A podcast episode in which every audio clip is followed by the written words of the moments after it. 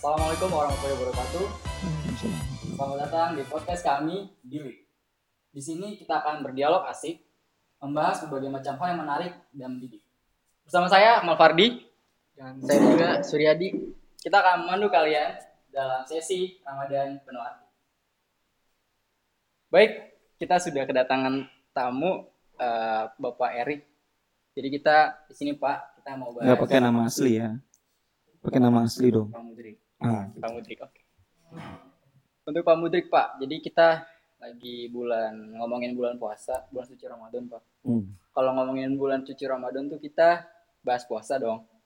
Nah, kalau bahas puasa kita eh, bicara juga soal Al-Quran surat, surat Al-Baqarah ayat berapa? 183. 183. Ya di mana di surat itu kan udah udah jelas kan eh, kita diwajibin eh, untuk berpuasa gitu. Hmm. Nah, itu apalagi sekarang kita kan mengangkat topiknya tentang versi remaja nih, Pak. Menahan, menahan nafsunya di bulan Ramadan ini versi remaja. Nah, itu caranya untuk menahan nafsunya itu gimana sih, Pak? Soalnya kan kalau kita lihat itu kan remaja itu kan paling banyak diserang oleh ya mungkin dengan godaan-godaan ya kan gimana? Ya karena penerus-penerus generasi Islam itu yang diserang gitu, Pak. Dan apalagi kan tujuan dari puasa itu sendiri kan di Quran itu Pak, itu kan ini apa ya? Menjadi orang-orang yang bertakwa ya Pak. Tapi kenapa? tapi kenapa ketika kita puasa pun masih banyak yang belum bisa mencapai itu gitu pak? Masih Hmm. banyak yang melakukan hal-hal yang tidak diperbolehkan bahkan. Baik. Satu-satu ya, saya ambil bahas ya. Iya, Pak. 183. 183 itu bunyinya ya ayyuhalladzina amanu kutiba alaikumusyamu kama kutiba alal min qablikum la'allakum tattaqun. Sebenarnya simpel saja. Jangan pernah menyalahkan hawa nafsu. Salahkanlah dirimu. Kenapa mengikuti hawa nafsu? Anak muda itu memang cenderung kepada hawa nafsu. Tetapi anak muda yang benar, yang baik itu bagaimana mengendalikan hawa nafsu. Karena hawa nafsu nggak bisa diperangi. Nggak bisa diperangi, tapi dialirkan ke aliran yang benar. Seumpama kali, kalau dialirkan ke sawah, itu jadi irigasi. Jadi Maka dia ya. padi. Gitu. Tapi kalau dialirkan begitu saja, itu jadi banjir kayak Jakarta. Nafsu itu sama seperti itu. Jadi kalau ngikutin zaman, ngikutin masa seperti ini ya udah. Kalau sekarang pun orang pada telanjang ikut telanjang. Tapi kalau dia punya akal, mempergunakan akal, apa gunanya saya telanjang? Nah itu dia mulai masuk situ. Jadi nafsu itu sebenarnya tergantung orang. Jangan salahkan sholatnya, jangan salahkan saumnya, jangan salahkan zakat puasa, jangan salahkan Islam, salahkan orangnya. Kenapa dia nggak mau puasa? Kok ada orang yang puasa tapi masih juga maksiat? Iya. Itu bukan puasanya, dianya. Dianya aja. Gitu loh. Nah, Mungkin eh, saya semalam baru baca arti pak. Jadi Mm. di situ ditulis saya lupa surat apa, masih surat Al Imran tapi saya lupa. Di situ dibilang dalam ayat itu kamu akan diuji oleh eh, hartamu dan dirimu sendiri. Mungkin Hmm. yang dimaksud oleh dirimu itu itu kali pak. iya. Soalnya saya sendiri pak, saya sendiri itu suka ketika eh, dalam keadaan sendiri ataupun lagi beramai-ramai itu terkadang merasa bahwasannya saya itu saya, tapi Hmm. kenapa ada yang berbeda dalam diri saya gitu. Mm-mm. Ada hal lain yang saya saya merasa sebagai orang ketiga gitu. Ada Mm. yang berbisik kepada misalnya ada satu hal yang menarik saya, tapi itu dilarang misalkan. Mm. Ada satu yang berbisik kepada saya, jangan, tapi ada satu juga yang berbisik lakukan. Mm. Jadi seakan-akan saya berada di tengah-tengah kedua orang ini, Pak. Akmal yang berbeda. Iya. Kita Hmm. disuruh milih itu kan. Nah, Di waktu dia. yang kesempatan yang Mungkin sama itu. kita disuruh Maka milih. satu ungkapan yang paling baik itu be yourself. Jadilah dirimu sendiri. Tapi ingat, ungkapan ini jangan sampai menyalahi makna. Be yourself, kemudian kita menjadi seenaknya aja. Nah, celananya robek, bajunya robek, kan be yourself itu. Inilah diri saya. Kalau sudah menunjukkan seperti itu, tandanya orang itu nggak punya prinsip, nggak punya idealis. Orang Islam tuh punya idealis, punya prinsip. Punya. Prinsipnya orang Islam itu adalah prinsipnya berdasarkan firman Allah, sunnah Rasul. Nah, apa firman Allah? Suruh nutup aurat. Kenapa disuruh tutup aurat? Karena itu bagian daripada kemuliaan. Karena yang telanjang itu kambing telanjang gitu loh. Monyet juga telanjang. Gitu kan? Nah, manusia harus beda dong sebagai manusia yang berakal kan. Kalau dalam bahasa filsafat itu al-insan haywanun natik. Manusia itu adalah hewan yang berakal. Orang yang berakal itu adalah orang yang berpikir. Ya, kok gitu ergo. Ya, aku ada karena aku berpikir, gitu kan? Jadi kalau nggak berpikir hilang, selesai urusannya. Itu inti daripada segala-galanya. Itu hidayah pertama. Para ulama tafsir menyebutkan hidayah pertama itu hidayatul akli. Bagaimana seseorang itu mempergunakan akal mengarahkan dirinya kepada hal yang lebih baik. Makanya takwa itu sangat mudah didapat. Kenapa sangat mudah didapat? Disuruh meninggalkan, disuruh mengamalkan yang diperintah itu aja. Cuman dua kok konsep takwa itu. Melaksanakan perintah Allah, menjauhi larangannya. Makan itu bagian daripada naluri kehidupan. Minum bagian dari naluri. Tapi ketika sampai kepada menahan hawa nafsu, itu konteksnya udah lain. Konteksnya dalam rohani larinya itu. Karena nanti berhubungan dua-duanya. Makanya Allah itu memuji sama orang-orang yang mengarahkan nafsu itu ke jalan yang benar. Dalam surat Al-Lail itu disebutkan, Qad aflaha man zakkaha. Beruntung orang yang menyucikan jiwanya. Kalau orang yang memiliki jiwa yang suci itu tidak ada yang namanya uh, rasa bersalah, tidak ada yang namanya rasa berdosa, karena dia tidak pernah melakukan dosa. Yang dia lakukan adalah seperti yang ada. Intinya saya tutup aurat, intinya saya sholat, intinya saya siam. Yang saya nggak boleh itu adalah maksiat, itu aja. Nah, terus kemudian orang yang punya akal itu adalah bisa membedakan mana yang baik, mana yang buruk. Kalau kita mengikuti nafsu, orang yang makan itu kan karena nafsu. Ya, Kedua, itu karena lapar. Tapi ada orang yang makan melebihi daripada kadar makannya. Seharusnya cuma sepiring. Tapi kok bisa dua tiga piring? Itu makan apa kelaparan? Kan begitu logikanya. Nah kalau makan cukup kenyang. Kelaparan habis semua. Gitu. Nah ketika bulan Ramadan begini juga begitu. Orang kelaparan. Karena dari pagi itu. Tapi anehnya nanti Anehnya nanti agak kemakan. Nah, di situlah yang dilarang oleh Allah. Innal mubadirina kanu ikhwana syayatin. Itu. Sesungguhnya perbuatan mubadir itu adalah perbuatan saudaranya setan. Berarti yang mubadir itu ya setan. Setan itu tidak berbentuk seperti halnya harus seperti HP, laptop tidak. Tapi perilaku sifat. Mencelakakan dirinya, mencelakakan orang itu setan. Mengajak orang lain untuk berbuat maksiat setan. Setan itu bisa berbentuk laki, bisa berbentuk perempuan. Intinya itu dia berada kepada was-was pada diri. Alladhi yuwasisu fi sudurin minal jinnati wan nas. Yang menghembuskan ke dalam diri manusia ya dari jin dan manusia. Kalau lo suka sama gue, lo harus ngorbanin dong. Kan gitu. Itu kan cinta yang bullshit gitu loh. Kalau cinta yang setia tuh nggak begitu. Kalau memang lo mau sama gue, nunggu sampai gue bisa nikahin lo tapi lo jangan cari yang lain. Hanya gue satu-satunya. Itu cinta setia. Gak dipegang, gak dicium. Tapi kesetiaan selalu ada. Gitu loh. Menjaga diri.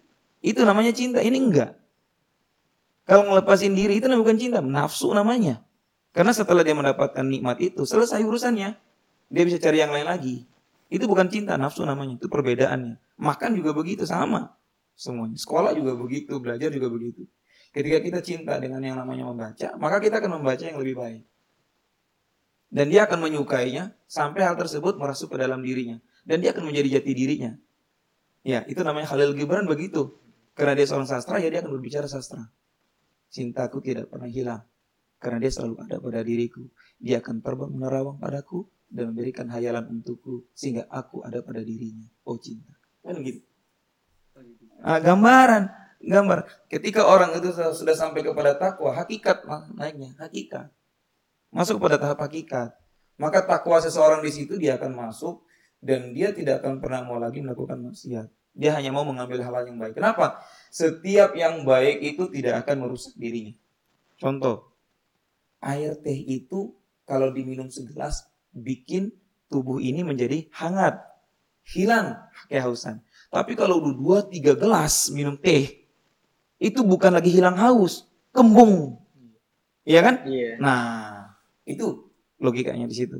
Takwa juga begitu nanti ada porsir-porsirnya. Oke.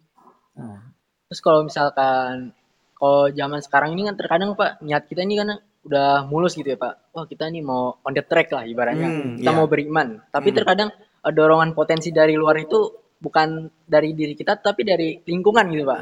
Siang-siang warung buka. Oh, mantap banget iya kan waktu itu saya Oh, pernah Apalagi ada sate. yang Iya. gitu, Iya, ikan saya waktu itu pernah kan. gitu ya. habis juhur Hmm. pulang gitu Asapnya masuk hidung. Tukang cendol ngider Pak ngider siang-siang. Ngider siang-siang. Iya. Wah, Makanya Betawi katanya banget ente ngomong. Gile, gile. makanya itu hukumnya itu apa hukumnya orang yang berniaga ataupun buka warung siang-siang itu Hmm. gimana tuh pak? Sebenarnya hukumnya itu nggak nggak apa-apa. Dia buka warung juga nggak apa-apa. Kan tadi seperti itu tadi kan. Kalau bicara tentang masalah ujian itu ya begitu. Ju'i wa naqsi minal amwali wal anfusi wat thamarat wa basyiris sabirin kata Allah. Kami akan menguji kalian. Ya, dengan ketakutan, dengan kelaparan, kekurangan harta, kekurangan jiwa, kekurangan diri. Ya, Iya. tapi wabasyiris sabirin. Beri berita gembira sama orang sabar. Kalau dia sabar sampai buka puasa ya bagus gitu loh. Tapi kalau dia wah cendol nih. Minggir dikit nih pura-pura kan. Bang, bungkusin bang, mau buat buka. Padahal bohong kan? Iya. Kan ngaco itu namanya. Yang salah itu bukan niatnya, salahnya dirinya. Jadi yang merusak niat itu dia sendiri. Kayak orang sholat juga begitu. Yang merusakin niat itu dia sendiri. Makanya di situ kata Allah, fastaqim kama umirta. Istiqomahlah dengan apa yang kamu diperintahkan. Nah kita kan gak istiqomah. Nah, terus pertanyaannya lagi, bagaimana cara istiqomah? Istiqomah itu tingkatannya masih di atas. Bagian bawahnya itu adalah namanya mujahadah, bersungguh-sungguh. Kalau kita bersungguh-sungguh, bahasa saya kalau bersungguh-sungguh artinya mencintai sesuatu. Saya cinta dengan puasa. Kenapa? Dengan puasa, dompet saya itu masih utuh, gitu loh. Bahasa ini aja, bahasa gaulnya dulu ya. Dompetnya masih utuh. Kenapa masih utuh? Saya kalau sumpah dikasih duit 30 ribu, paling saya beli buat buka puasa. Itu pun dapat selesai, cuma satu gelas selesai. Berarti kan masih pegang berapa? 25 ribu. Sekap kan 5 ribu. Itu logika dunia loh. Tapi kalau logika akhiratnya lain lagi. Jiwa saya jadi bersih, kemudian apa namanya badan saya jadi sehat. Walaupun ini hadisnya doif ya, hadisnya lemah ya. Sebenarnya nggak boleh digunakan, tapi saya hanya memberikan gambar. Kata Nabi itu sumu tasihu. Katanya begitu. Berpuasalah kalian maka kalian akan sehat. Nah, saya mencoba ke medisai. Ya. Orang yang mau operasi. Dulu suatu saya mau operasi itu ya, saya suruh pasien saya. Puasa dulu. Semalaman. Duh. Besok jam 8 Bu sudah siap di sini. Siapa? Tapi ternyata di jam 5 dia makan. Walaupun kagak banyak itu bahaya buat dirinya. Sama seperti itu model-modelnya. Jadi sebenarnya yang mengendalikan kita itu bukan nafsu, kita yang harus mengendalikan nafsu gitu loh. Jangan terbalik. Gitu loh. Karena kita yang memiliki nafsu, motor. Motor itu kan nafsu. Motor itu nafsu. Kalau orang itu ngikutin nafsu, berarti ngikutin tren. Racing, knalpotnya digedein. Apa gunanya? Ya Bobok kan, ya. dibobok kan. Iya. Sekalian biar suaranya gede. Apa gunanya? Tujuannya apa? Hikmahnya apa? Yang ada dimaki orang kan? Hmm. Eh goblok lu, lewat apa lu? Nah, kan gitu. Apa enak dihina gitu? Iya, nggak enak lah. Iya kan? Malah itu kalau itu jadi doa, goblok beneran kitanya. Nah, itu kan intinya. Kalau tapi kalau kita motor santai-santai aja, karena niat saya dengan motor saya bisa mengantar saya ke tempat sekolah saya, ke tempat saya nongkrong dengan teman-teman saya, ataupun ke tempat yang lebih baik lah, ke masjid yang lebih bagus. Itu adalah kegunaan motor. Oh ini enggak, tapi ternyata dipakai buat macam-macam. Ya, jadi intinya kembali lagi ke kita sendiri. Mengelola jati diri. Saya belum kasih tahu ilmunya untuk mengelola diri. Silakan dengan pertanyaan Anda dulu. Saya masuk ke situ, Pak. Saya masuk ke situ. Jangan masuk ke situ dulu, tunggu dulu. Yang lain-lain dulu aja, itu yang ada di situ dulu. Masalah mengelola di- diri itu nanti. Itu kunci. Terus untuk masalah kalau apalagi kita kan bahas remaja nih, secara Hmm. spesifik kita udah jelas nih kan terkadang teman saya sendiri pun misalkan habis sholat zuhur misalkan nih, saya ajak pak, eh yuk tadarus yuk, kata dia, wah udah kan tadi pagi, katanya kata dia tuh, "Eh, ya emang kenapa emang ada waktunya tadarus, tadarus gitu kan, pas dia itu kata dia, "Ya, apa apa ini kan tidur dulu, tidur kan bagian dari puasa, puasa itu kalau tidur itu di saat puasa adalah ibadah kata dia. Hmm. Nah itu emang bener ada dalilnya emang kalau misalkan tidur di saat puasa itu ibadah atau gimana pak? Ada dalilnya itu. Sering dipakai sama tukang tidur. itu aja sih. Mendalili amal bahasa kami. Jadi ada orang tuh supaya lolos dari sebuah hukuman, dia mendalili amal. Mm-mm, Buat dalil begitu. sendiri. gitu Buat ya? dalil. Saya bukan buat dalil sendiri ya. Ini had- hadisnya ini sebenarnya antara maudhu dan uh, doif ya. Antara palsu dan lemah. Naumus soimi ibadah tuh. Tidur orang berpuasa itu ibadah. Tapi sesungguhnya itu akan hadis lemah. Yang ada itu kalau pas waktu puasa begini tuh gunakan untuk ibadah. Ibadahnya itu ya baca Quran, zikir. Nah kalau tidur siang boleh nggak? Justru kalau tidur siang itu sunnah. Itu namanya koilulah gitu loh. Nabi itu sering tidur, tidur siang, senang tidur siang. Gitu. Artinya jangan memakai dalil yang tidak benar lah. Tapi pakailah dalil yang benar-benar ada gitu loh. Nah, tidur boleh di beberapa puasa itu. Tapi jangan tidur di pagi hari. Sepagi-paginya itu jam 10 lah tidur itu. 10, 11. Tapi jangan sampai lewat dari jam 12. Nanti nggak sholat zuhur soalnya. Iya. Gitu loh. Kebablasan. Ah, kebablasan. Soalnya kalau lagi puasa begini biasanya tidur itu kebablasan. Iya kan? Benar. Nah, terus ada yang kedua, tidurnya itu cuman bangun sholat doang. Habis sholat subuh tidur, sholat zuhur bangun, habis sholat zuhur tidur lagi, kemudian sampai asar, asar bangun, habis sholat tidur lagi, buka puasa. Ya, itu nggak ada Enggak ada tantangannya. Nilai ibadahnya gimana? Nah, nilai ibadahnya nol. Ibarat kata begini loh. Kertas kosong sudah ditulis nama di atas. Sawum tanggal 13 bulan April. Tepatnya 1 Ramadan 1442 Hijriah. Seret udah masuk kan? Tapi ke bawahnya itu satu hari itu tanggal 13 itu nol gitu loh. Gak ada schedule apa-apa. Enggak ada gitu. schedule apa-apa, Iya. enggak ada isinya. Apa gunanya? Tapi kalau kita lihat ya Pak, Ah, kalau kita ambil sisi lain nih, lain. di samping memang tidak melakukan ibadah gitu kan. Lagi pula banyak tidur kan juga nggak bagus juga kan Pak. hmm. Di, di sisi lain, kok ada baiknya juga Pak bagi saya. Ya. Kan, Kalau dilihat dari sisi lain ya, Mhm. karena yang kalau mereka tidur, otomatis mereka nggak melakukan apa-apa kan. Iya. Otomatis mereka juga nggak melakukan maksiat, nggak Mm-mm. ngomongin orang, nggak ngomongin apa. Pak? Justru di situlah yang dilihat oleh Allah. Orang itu mempergunakan siamnya itu dalam ibadah atau dalam maksiat. Ketika dia tidur tidak ada gunanya. Nonsen. Iya. Saya duduk di kelas gitu loh, guru ngajar, saya diamin aja tuh guru. Apa gunanya saya datang? Guru udah ngajarin capek-capek.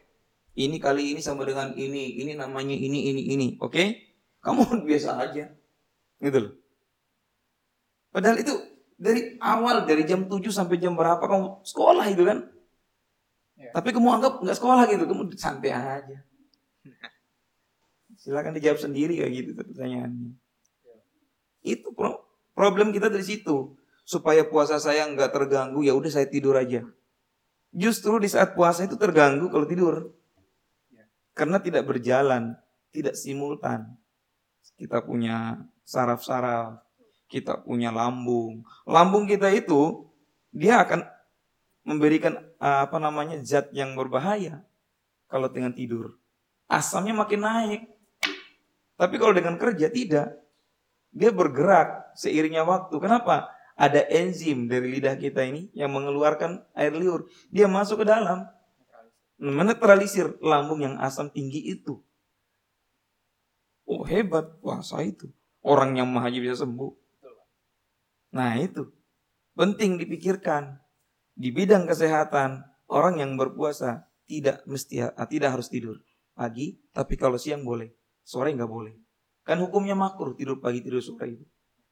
Tapi kalau tidur siang mah sunnah. Ini waktu jam tidur saya gitu loh. Tapi nggak apa-apa lah. Saya datang. Ini saya bagian dari ibadah ya. juga ini. Ah, itu loh. Nah, soalnya diwakilkan katanya. Ya, saya mengikut aja kan gitu loh. Kita kan jarang ketemu Pak. Jarang ketemu. Iya. Kamu sih nggak mau ketemu sama saya kan gitu. Sibuk sih? Nah, nah, apalagi? Ya mungkin kalau misalkan eh, kita terkadang kan udah ingetin temen gitu ya Pak. Hmm. Udah ngingetin temen untuk selalu beribadah. Apalagi momennya nih lagi puasa gitu kan. Iya, iya. Sedangkan kita nggak tahu puasa tahun depan kita masih ada apa enggak Buh. kan.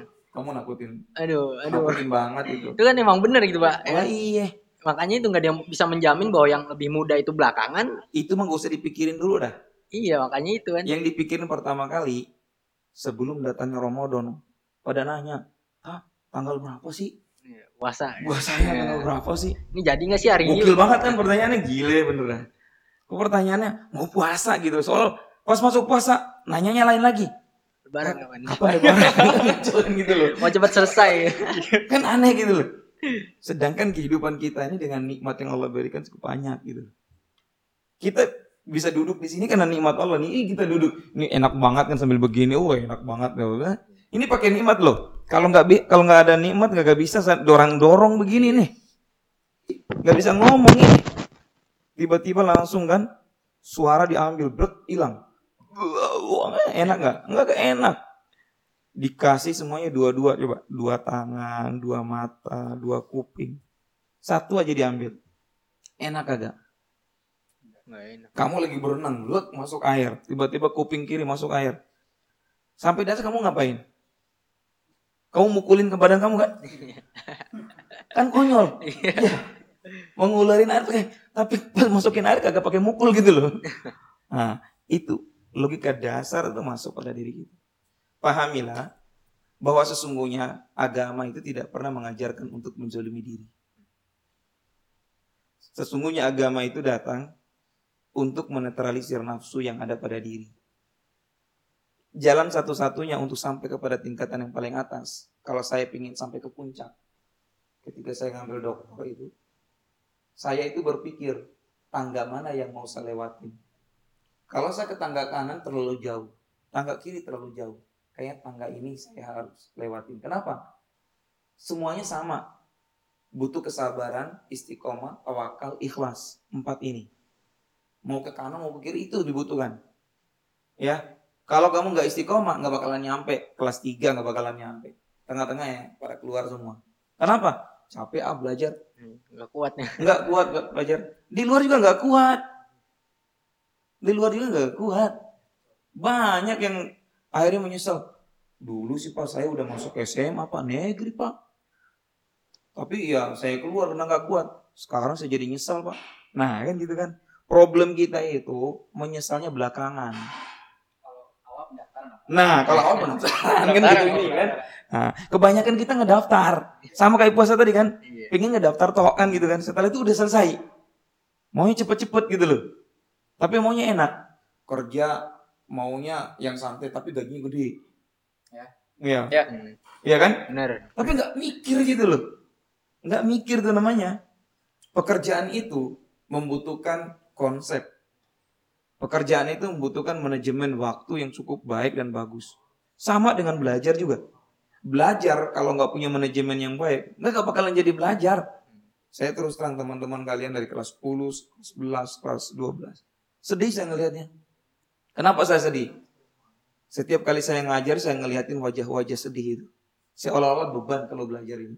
Iya. ketika guru di depan itu seolah-olah itu bumerang buat dia Pengen cepet selesai aja Pengen cepet bawahnya. selesai. Makanya pas ketika bel istirahat itu, hore kan gitu kan. Jadi saat itu dia sedang disiksa gitu sama Ah, gurunya iya, kan iya. gitu. Saya tuh bingung. Saya kalau ngebahas itu ya Pak. Ah, eh, saya juga justru juga bertanya juga seperti itu Pak. Saya, Ah. saya mikir apa sih kok apa sih yang salah gitu. Ah. Karena saya waktu itu kan pernah bilang ke Pak Erik kan saya pernah bertanya ke Pak Erik. Ah. Ini kita Pak Erik tuh yang mana sih orang? Pak Putri. Oke Pak Putri. Jadi eh, ini kita ada apa melenceng dari topik topik utama ya Pak dari Oh gitu. tadi. Ah, melenceng nih ya. Keluar seharusnya ya. Kita nggak di sini kan. Oke oke. Jadi Pak, kan saya Hmm. pernah tanya ke Pak Erik juga Pak. eh, saya ini misalkan punya kesenangan Iya. kesenangan. Saya suka senang eh, katakanlah matematika, Hmm. katakanlah eh, menulis, katakanlah sastra dan lain sebagainya, literatur dan lain Mantap sebagainya. Katakanlah seperti itu, Pak. Nah.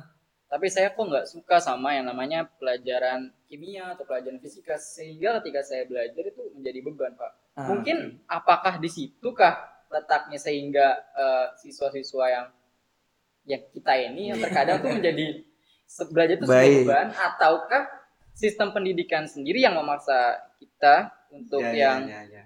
eh, harus ngerti semua lah gitu harus ya. harus mengerti semua gitu. Iya. Tidak, tidak harus mengerti semua. Saya terus terang, dulu saya masih SMP itu, saya jagonya di bahasa Inggris dan bahasa Arab. Lebih-lebih agama saya. Fikih, tafsir, hadis, Al-Quran itu ya, oke lah. Makanya saya sudah mulai ngajar kelas SMP udah mulai ngajar sih, udah mulai ceramah. Nah, tapi intinya adalah bagaimana mengelola pelajaran yang tidak disukai menjadi suka. Itu yang jadi problem. melihat sisi lain Iya, sebenarnya gini, kalau kamu mencinta pada sastra, bagaimana matematika itu kamu buat jadi sastra? Kan ada sastra matematika. ya matematika ya seluruh pilihan matematika. Betul, makanya ada sastra kan? Sebenarnya bisa.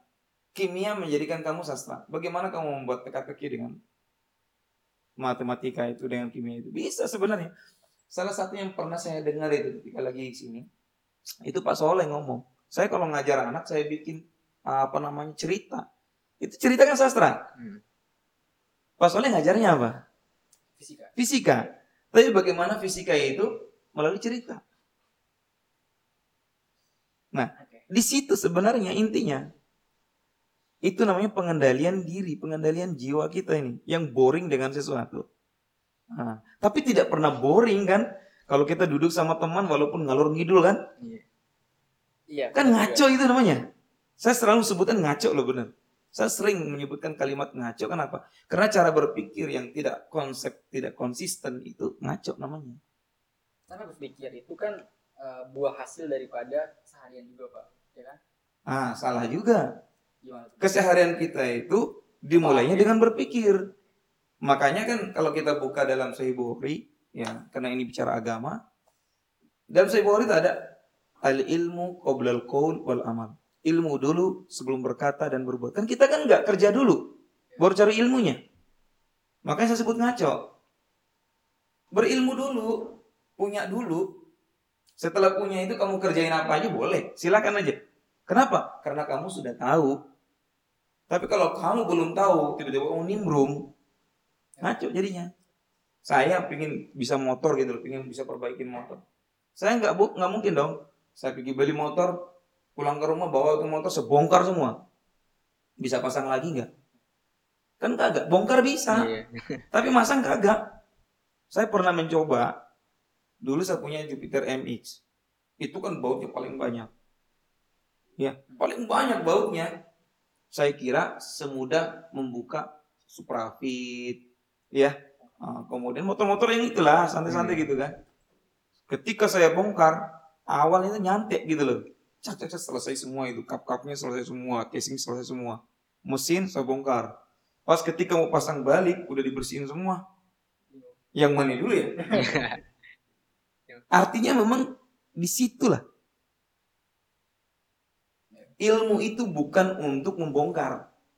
Tapi ilmu itu untuk memasang kalau bahasa saya. Memasang. Memasang apa? Sesuatu yang diinginkan oleh kita. Kalau membongkar sesuatu semua orang juga bisa. Orang bodoh juga bisa membongkar. Tapi ketika suruh memasang, maka Semua yang orang. bisa itu cuma orang berilmu.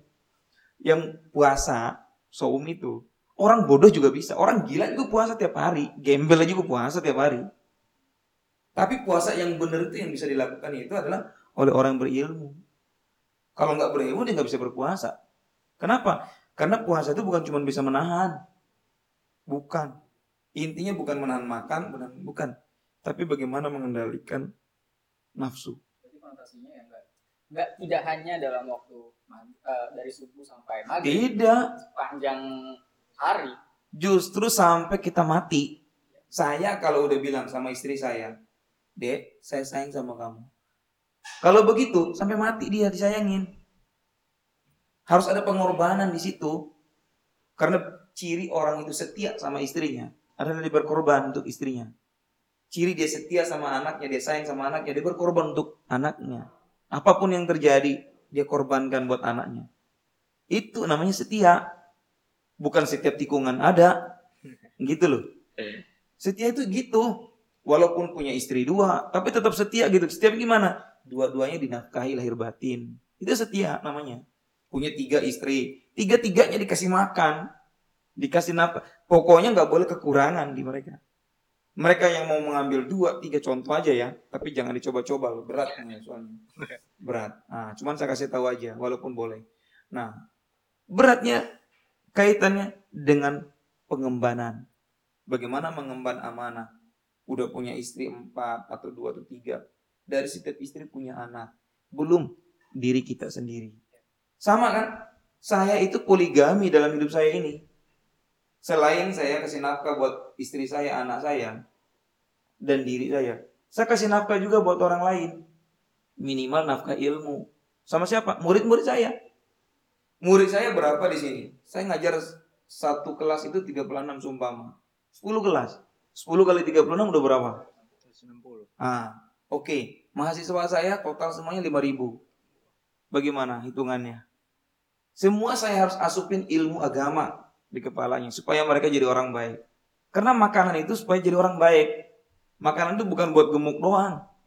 Bukan buat makanan tidak ada yang buat sehat, tidak. Makanan itu hanya melahirkan energi. Salah kalau orang bilang saya kalau nggak makan mati. Salah. Saya kalau nggak makan sakit, bener. Tapi tidak setiap sakit mati. Hmm. Tapi setiap mati pasti sakit dulu. Gitu loh. Harus pahami dengan baik. Minum, minum itu untuk menghilangkan haus. Bukan untuk bergaya-gaya sampai kamu mabok. Apa gunanya kalau minum yang mabok gitu loh. Sekalian aja minum air comberan. Kalau enggak minum aja ya nama bimoli. Eh bisa kan? Kenapa yang diminum vodka? Gitu kan? Kalau ini minum apa lagi itu? Hafal nggak? Bir. Ah, ah, bir ya? Birnya bir apa dulu nih? Wine. Oh, hafal wine. Apa lagi itu? Iya kan? Orang tua. orang tua anggur orang tua kan gitu ya nah apa gunanya gitu loh terus minum mabok gitu kan terus apa gunanya kalau udah mabok begitu apa gunanya pakai narkoba Aduh. itu apa gunanya Biar kelihatan keren doang. apa yang keren justru yang tukang narkoba itu jeleknya bukan mandi kagak Kumel. ngomong ngaco kan gitu kan Iya. apa kerennya apa kerennya kagak ada yang keren dari dia yang keren itu seorang anak yang jenius bisa membuat sesuatu yang membuat dunia itu jadi terperangak dengannya. Wow, amazing kan gitu loh. Itu keren. Ini ya ilah kerjaannya cuman pacaran, kerjaannya cuman keluyuran, mabok, narkoba, ah nyakitin orang tua. Eh kagak enak lah, nggak keren kayak. Tapi saya masih belum dapat poinnya, Pak. Poin, Belum dapat. Poin gini, Pak. Maksudnya Kalau kalau mau dapat ya tinggal diserok, ambil gitu loh. Kalau nggak diserok masih banyak pertanyaan maksudnya, Pak. Jadi kan enggak Hmm, eh, kita kan bicara mengenai kita juga tadi bicara tentang sekilas pendidikan, Iya, tentang iya. perilaku Ah, dan lain iya. sebagainya. Itu kan mungkin memang eh, pengendalian diri kan, tapi Iya. kan tidak semua siswa itu kan atau anak itu kan menyadari akan adanya Nah, dirinya. Nah, di situ Hmm, hal yang paling berperan sangat penting Iya. itu apa Pak? Apakah gara-gara kemajuan teknologi sehingga eh, kita ini bukan membutuhkan informasi, tapi sudah terbanjiri oleh informasi, Hmm. sehingga banyak juga hal lain yang membuat pikiran kita ini malah menjadi menggampangkan sesuatu kan? Jadi itu malah- itu namanya menyalahkan uh, teknologi. Kalau saya tidak menyalahkan teknologi karena yang membuat teknologi kan ya, manusia. sebentar Pak. Jadi ya Hmm. sebentar Pak, mungkin ya ini kan saya apakah itu mungkin ataukah memang eh, dari pengajaran yang diberikan oleh orang tua atau di sekolah mungkin atau bagaimana Pak? Apakah ada yang Hmm, salah baik, sama baik. Yang pertama, agama itu ngatur begini. Innallaha la yughayyiru ma biqaumin hatta yughayyiru ma bi anfusihim. Sesungguhnya Allah tidak merubah suatu kaum kecuali kaum itu sendiri merubah diri sendiri. Kenapa ayat ini ada? Ayat ini ada dikarenakan manusia sudah diciptakan dengan sempurnanya. Laqad khalaqnal insana fi taqwim. Sungguh kami telah menciptakan manusia itu dalam keadaan sempurna. Kesempurnaan manusia itu ada pada akalnya. Kalau dia mempergunakan akalnya maka dia berada pada jalan yang benar. Tapi kalau dia tidak mempergunakan akalnya di- dia tidak akan ada pada jalan yang benar. Pertama, yang harus bisa memberikan jati diri kita kita sendiri. Semakin dewasa seseorang itu seharusnya semakin semakin pintar, semakin bijak memilah dan memilih.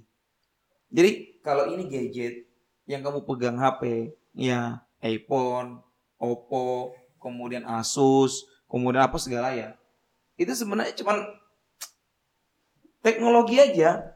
Saya tuh ngeliat teman-teman kamu, ya, saya ngeliat teman-teman kamu tuh coba cek-cek HP-HP-nya banyak banget HP-HP-nya. Luar biasa HP-nya.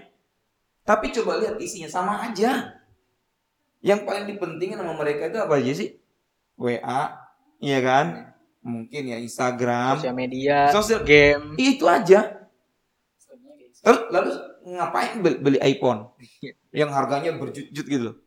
Kenapa uang itu nggak dipakai saja buat yang lain, Be? Seumpama kalau saya ya, saya tuh lebih senangnya mengkoleksi buku. Karena saya senang baca buku. Saya sehari itu harus menghabiskan minimal 7, maksimal 14 buku satu hari. Pas di bulan Ramadan, pas waktu zamannya daring begini, saya cukup banyak waktu luang untuk baca buku. Alhamdulillah. Itu luar biasa senangnya, bukan main gitu loh.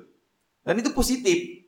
Semakin kita membaca buku, semakin membuka cakrawala cakrawala dunia yang mana orang tidak tahu. Orang nanya Amerika sumpama. Saya walaupun belum pernah ke Amerika sumpama ya, belum pernah ke Amerika, tapi tahu Amerika gitu loh. Menara Eiffel di Paris. Kok bisa tahu sih?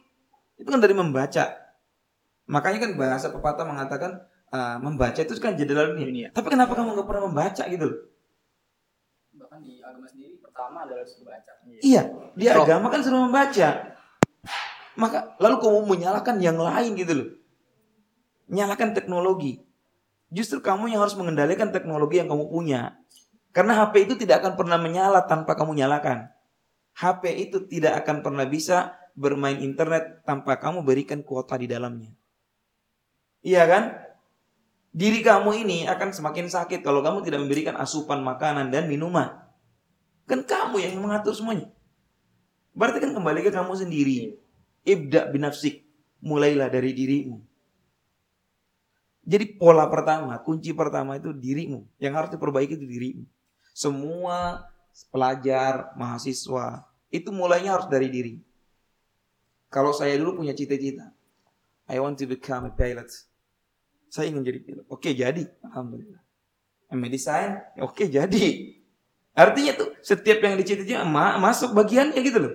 Kenapa? Karena kita mencintainya. Kita itu saya melihat ah, anak-anak remaja sekarang cinta, tapi cintanya bullshit, palsu gitu loh. Kalau emang dia cinta sama elektronik, dia bisa dong bikin HP seharusnya. Yang bisa mainin aja. Jangan ya. cuma bisa mainin doang. Minimal game lah. Hmm. Kalau di, di apa namanya tahu tentang masalah game, PUBG, Mobile Legend. Seharusnya dia bisa menciptakan Mobile Legend baru gitu loh. New Mobile Legend. It's mine gitu loh. Kenapa enggak? I am same gitu loh. Saya sama aja. You and me same. Yang beda itu cara berpikirnya ya. Pola pikir kita saja. Itu aja yang beda. Tidak ada yang beda, sama semua. Besar otak saya dengan otak kalian juga sama. Otak depan, otak belakang juga ada. Belak tengah depan juga sama juga seperti itu. Enggak, enggak, enggak ada beda-bedanya. Cuman kembali lagi ke kita, kita dan kita. Who am I? Pertanyaan Michael Jackson, filmnya Michael Jackson, apa? Filmnya Jackie Chan ya. Who am I? Itu Jackie Chan punya film. Who am I? Siapa diriku? Man ana. Kalau dalam bahasa man ana. Siapa saya? Kalau dalam bahasa agama, anak abdun. Saya hamba. Langsung ditanya, man mana abudu? Siapa yang aku sembah? In kuntu ah, abid. Kalau saya ini adalah hamba. Itu jadi pertanyaan. Nah, satu. Oke, saya kasih kunci karena kita mau selesai. Yang pertama, ibda binafsi. Yang kedua, yang kedua, kenalilah. Kenalilah. Jalan kamu itu apa sih? Kamu mau jadi apa? Tujuan kamu belajar apa? Tidak harus semua ilmu yang kamu harus punya. Tapi setidaknya kamu bisa mengerjakan ilmu itu. Itu aja. Satu dari sekian banyak ilmu mata pelajaran ya. Satu dari semua mata pelajaran itu hanya satu yang kamu bisa ambil. Contoh, kamu mahir dalam bidang bahasa Inggris. Itu udah good. It's the best. Daripada nggak bisa semua. Tapi saya nasihatin lagi. Agama jangan pernah dijadikan nomor tiga. Agama adalah fondasi. Mau agama apa pun dia. Siapa pun kalian mau beragama Nasrani, agama Yahudi, Buddha, Hindu, Konghucu, apalagi Islam. Itu menjadi dasar. Tidak boleh tidak. Agama adalah dasar kehidupan. Karena agama yang akan mengatur pola itu. Kita tidak akan pernah terjerumus kalau kita berada pada agama kita dengan yakinnya. Tapi kalau kita tidak yakin dengan agama kita, hanya mengikuti modern, insya Allah akan hancur kehidupan kita. Hmm. Biasa. Teman Gasur. Ya paling ini sih minta tipsnya ya loh Pak supaya kita ini apalagi ini mau Yang apa? tadi bukan tips itu yang saya kasih. Nah, itu kan itu cuman buat ya jangan lah. Wah, disebutnya bejangan yang terakhir ini. Oke lah. Supaya ya tips untuk inilah Pak supaya kita ini anak muda ini tetap kuat gitu. Jangan tergoda sama ya apa ya dengan godaan-godaan yang lain. Kadang kan ada yang bilang saya pernah dengar gitu kan ingat kematian gitu. Kalau misalkan dengan kematian gak bisa juga berarti hatinya keras. Gitu. Kalau itu mak lain. Ingat kematian itu kaitannya dengan ibadah. Pak, Pak. Ah, Walaupun kita tahu dunia ini hanya hanya senda Hmm. gurau. Tapi kenapa kita masih belum Iya masih yang ngikutinnya gitu. Iya kembali tadi tips yang pertama itu kamu harus jadi diri kamu sendiri. Dengan kamu jadi diri kamu sendiri kamu bisa merubah. Kalau kamu nggak bisa jadi diri kamu sendiri, kamu nggak ngikutin siapa pun juga kamu nggak bakalan bisa. Kamu ngikutin saya nggak bakalan bisa. Di dunia ini mudik cuma satu. Iya. Walaupun namanya mudik ada, tapi beda. Ada mudrika Daud, mudrikatun Hanifah, banyak. Saya mudrikatul Arofa. Walaupun sama nama, tapi orang itu pasti berbeda. Knowledge-nya juga beda. Gitu loh. Karena dia dapat lessonnya juga berbeda, gitu loh. Cara belajarnya juga berbeda. Intinya di situ ya. Nah, kembali ke yang pertama. Tipsnya itu kalau saya, jadilah diri kamu sendiri. Be yourself. Itu penting banget. Kemudian yang kedua kalau saya, kok gitu argusum. Karena saya orang filsafat, ya senangnya begitu. Berpikirlah, maka kamu ada. maka kamu ada. Karena kalau kamu mau pergi, udah mati. Selesai urusannya. Dunia ini bisa berkembang karena ada yang kamu. Tapi kalau kamu gak, gak berkembang dia. Oke? Nah, Oke, terima kasih banyak sudah Pak Erik, makasih Pak Udrik, terima kasih banyak. hmm. Bisa nyempetin waktunya Pak. Dan teman-teman udah nyimak banyak hal, banyak ilmu yang sudah Udrik berikan ke kita. Yang pertama, puasa itu untuk kita eh, mengendalikan hawa nafsu.